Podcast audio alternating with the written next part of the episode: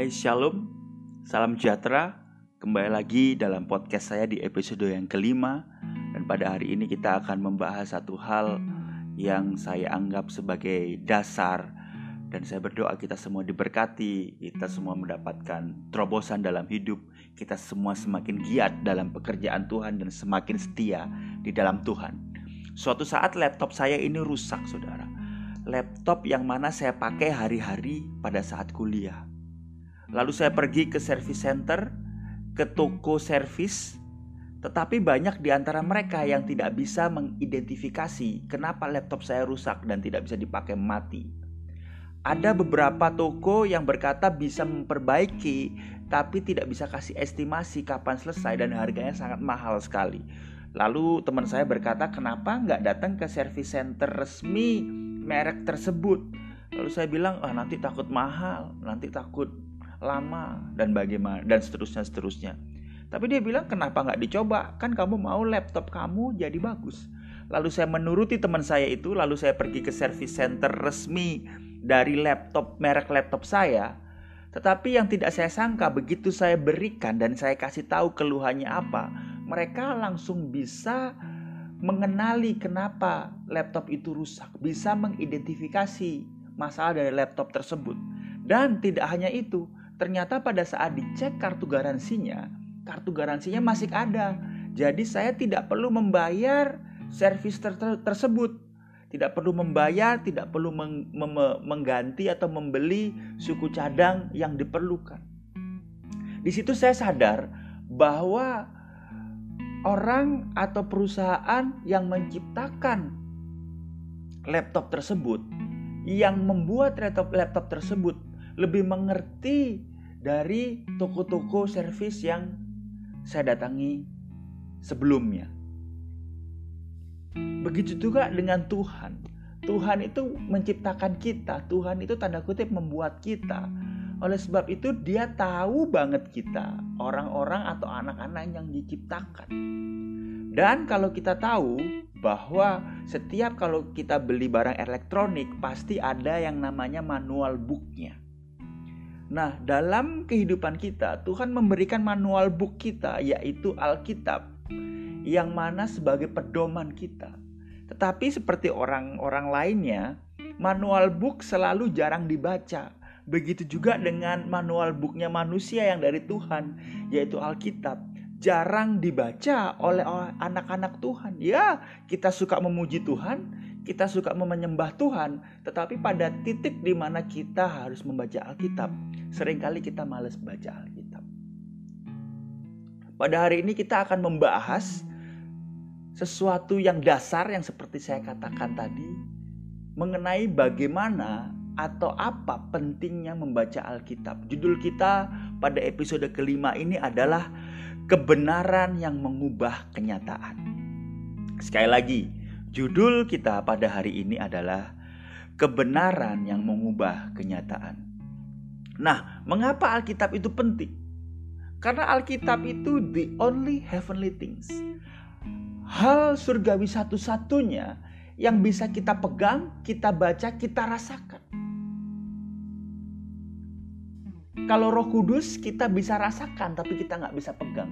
Oleh sebab itu kita harus respect, appreciate, Alkitab kita, Bible kita. We have to respect, we have to appreciate our Bible. Firman Tuhan pada hari ini diambil dari Roma 10 ayat 17 berkata begini. Jadi iman timbul dari pendengaran dan pendengaran oleh firman Allah atau firman Kristus. Sekali lagi, Roma 10 ayat 17 berkata gini. Jadi iman timbul dari pendengaran dan pendengaran oleh firman Kristus. Jadi iman timbul karena mendengarkan firman Tuhan. Jadi firman uh, iman tidak timbul karena kita mendengarkan gosip, karena kita ngomongin orang, karena kita kebanyakan uh, dengar dengar lagu dunia, tetapi iman timbul karena mendengarkan firman Tuhan. Saat kita dengar firman, mau tidak mau, kita pasti membaca. Kita pasti mengeluarkan suara, entah suara hati atau suara mulut. kita membuka firman, entah itu firman fisik atau aplikasi, tetapi kita membuka dan membaca firman. Pada saat kita membaca, akan ada firman yang kita dengar, dan firman itu menjadi iman, menimbulkan iman. Oleh sebab itu, saya tantang kita semua di sini. Kita harus meningkat dari yang tadinya hanya sebagai pendengar khotbah orang, mendengarkan khotbah minggu pendeta, meningkat kepada mendengar firman Tuhan dari mulut dan hati kita sendiri yang kita ucapkan dari Alkitab yang kita buka dan kita baca sendiri. Oleh sebab itu kita harus meningkat jadi anak-anak Tuhan tidak saja sebagai pendengar firman melalui khotbah, tapi kita harus memperkatakan firman dari hati dan mulut kita pada saat kita mendengar itu, maka iman kita menjadi timbul.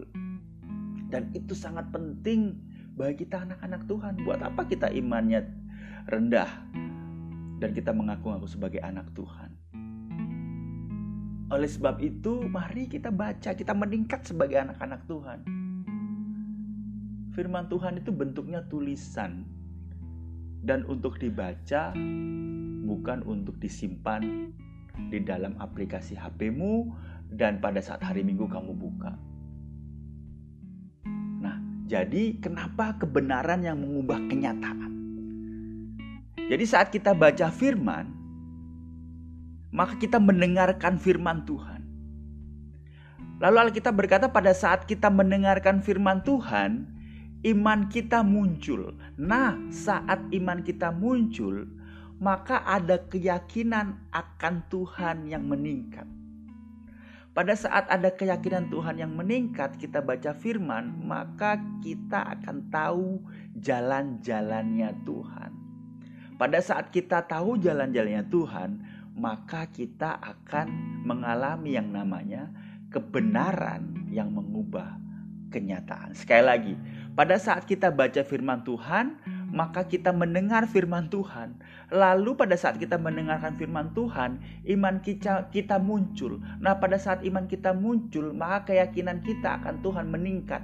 Pada saat keyakinan akan Tuhan meningkat, maka kita akan ngerti jalan-jalannya Tuhan dalam hidup kita yang dituliskan dalam Alkitab. Pada saat itu terjadi, kita akan mengalami yang namanya kebenaran yang mengubah kenyataan kebenaran yang mengubah kenyataan itu terjadi dalam kehidupan kita. Karena saat iman kita muncul, muncul dari pendengaran akan firman Tuhan, maka kita mengalami yang namanya mengerti jalan-jalannya Tuhan. Saat kita membaca dalam firman Tuhan, Yusuf kenyataannya di penjara tapi kebenarannya dia akan diangkat Tuhan menjadi raja. Maka dari situ kita akan timbul iman kita, kita mengerti jalan-jalannya Tuhan, maka kita akan mengalami kebenaran yang mengubah kenyataan. Kenyataannya di depan Musa ada laut merah, tetapi kebenaran Tuhan, Tuhan menyertai bangsa Israel. Kenyataannya orang-orang Kanaan besar, kuat, dan menakutkan. Tapi Kaleb dan Joshua tahu kebenaran Tuhan, maka dia mengerti jalan-jalan Tuhan. Kenyataannya Daniel ada di gua singa, tapi kebenarannya Allah melindunginya. Dan kita membaca ini saudara. Kita membaca ini dan harusnya kita iman kita ditingkatkan, iman kita dikuatkan dan kita tahu mana kenyataan, mana kebenaran. Kenyataannya Sadrak Mesak Abednego masuk di perapian yang menghanguskan. Tapi kebenaran yang kita baca mereka diluputkan. Nah saat kita membaca, membaca itu semua iman kita timbul maka kita tahu bahwa kenyataan hidup saya dan masa depan yang tidak pasti itu pada saat kita membaca firman Tuhan, maka kebenaran firman Tuhan berkata lain. Kenyataannya saya banyak dibully dan sepertinya orang lain tidak mengasihi saya. Keluarga saya tidak mengasihi saya, ayah saya tidak mengasihi saya. orang lain tidak mengasihi saya, orang lain sepertinya membenci saya. Kenyataannya seperti itu. Tapi kebenarannya ada satu pribadi yang rela mati buat kamu dan saya. Ada satu pribadi yang rela berkorban untuk kamu dan saya. Bahkan dikatakan pada saat kita masih berdosa, kita sudah eh, pribadi itu sudah berkorban untuk kita. Kenyataannya kita dibully, kenyataannya kita merasa tidak dikasih. Tapi kebenarannya ada satu pribadi yang rela mati buat kamu karena dasar kasih. Bukan karena dasar lain. Oleh sebab itu, mari kita baca Alkitab. Sehingga kita tahu kebenaran, kita tahu jalan-jalannya Tuhan. Dan kita mengalami hari demi hari, yaitu apa? Kebenaran yang mengubah kenyataan ada dua value yang ingin saya berikan berkenaan dengan hal ini, teman-teman. Yang pertama, jangan jadi anak Tuhan yang hanya tahu hasil tapi tidak tahu jalan-jalannya Tuhan. Artinya apa? Engkau jangan jadi anak Tuhan yang tiba-tiba instan dapat pertolongan Tuhan, instan dapat mujizat Tuhan, instan dapat jalan keluar. Tetapi kita harus tahu jalan-jalannya Tuhan.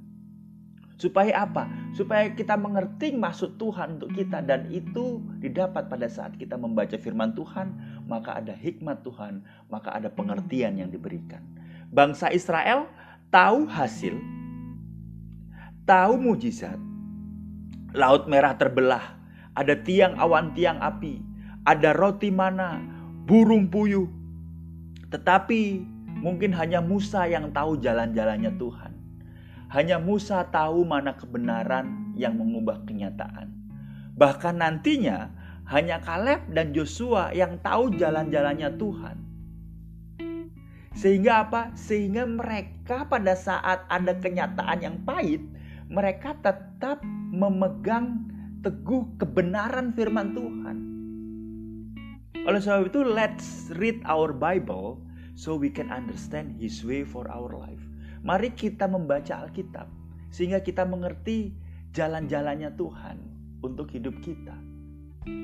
Yang pertama, jangan jadi anak Tuhan yang hanya tahu hasil tapi tidak tahu jalan-jalannya Tuhan. Pada saat ada kenyataan hidup yang menimpa, maka kita nggak tahu kebenaran firman Tuhan mengenai kita.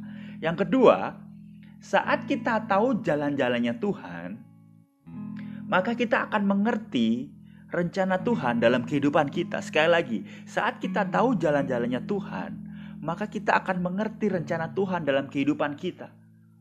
Suatu saat ada seorang pendeta di Surabaya yang sangat luar biasa namanya pendeta Yakub Trihandoko.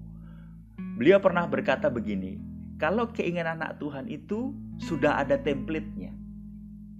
Doa anak Tuhan, keinginan anak Tuhan itu sudah ada template-nya, sudah ada cetakannya. Cetakannya apa? Kalau sakit, keinginannya sembuh. Kalau miskin, doanya pengen kaya. Kalau punya masalah, doanya jalan keluar. Kalau punya hutang, doanya lunas. Kalau tidak diberkati, minta diberkati.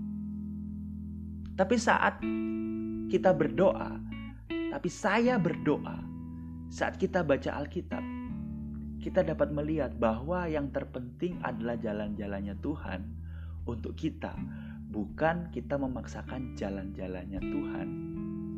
Eh, sorry, jalan-jalannya kita kepada Tuhan. Value kedua, saat kita tahu jalan-jalannya Tuhan, maka kita akan mengerti rencananya. Maka kita akan berikan hidup kita. Tuhan ini hidupku, aku akan memberikan kepada Tuhan engkau pakai hidupku sesuai dengan rencanamu. Apa pun yang terjadi, ajar aku mengerti mengenai rencanamu dalam kehidupanku. Mungkin di antara kita sekarang berkatnya lagi seret. Kenyataannya berkatmu lagi seret sekarang. Tetapi kebenarannya Tuhan mau supaya engkau belajar dan lebih dekat dengan Tuhan Gak harus tuh kalau ke, kalau ekonomi kita lagi seret maka Tuhan akan memberikan kebenaran yaitu kita akan diberkati. Tetapi mari kita tahu jalan-jalannya Tuhan sehingga kita mengerti rencana Tuhan dalam kehidupan kita. Mungkin kita lagi seret perekonomiannya, tapi kebenarannya Tuhan mau mungkin kita lebih dewasa di dalam Tuhan. Kita mungkin lebih dekat dengan Tuhan sehingga Tuhan bisa menyatakan jalan-jalan dalam kehidupan kita. So mari ada dua hal yang perlu kita perhatikan. Jangan jadi anak Tuhan yang hanya tahu hasil tapi tidak tahu jalan-jalannya Tuhan. Yang kedua, saat kita tahu jalan-jalannya Tuhan, maka kita akan mengerti rencana Tuhan dalam kehidupan kita. Ingat, pada saat kita membaca firman Tuhan, kita tentu mendengar firman Tuhan. Pada saat kita mendengar iman kita diperkuat. Pada saat kita diperkuat, maka kita tahu jalan-jalannya Tuhan.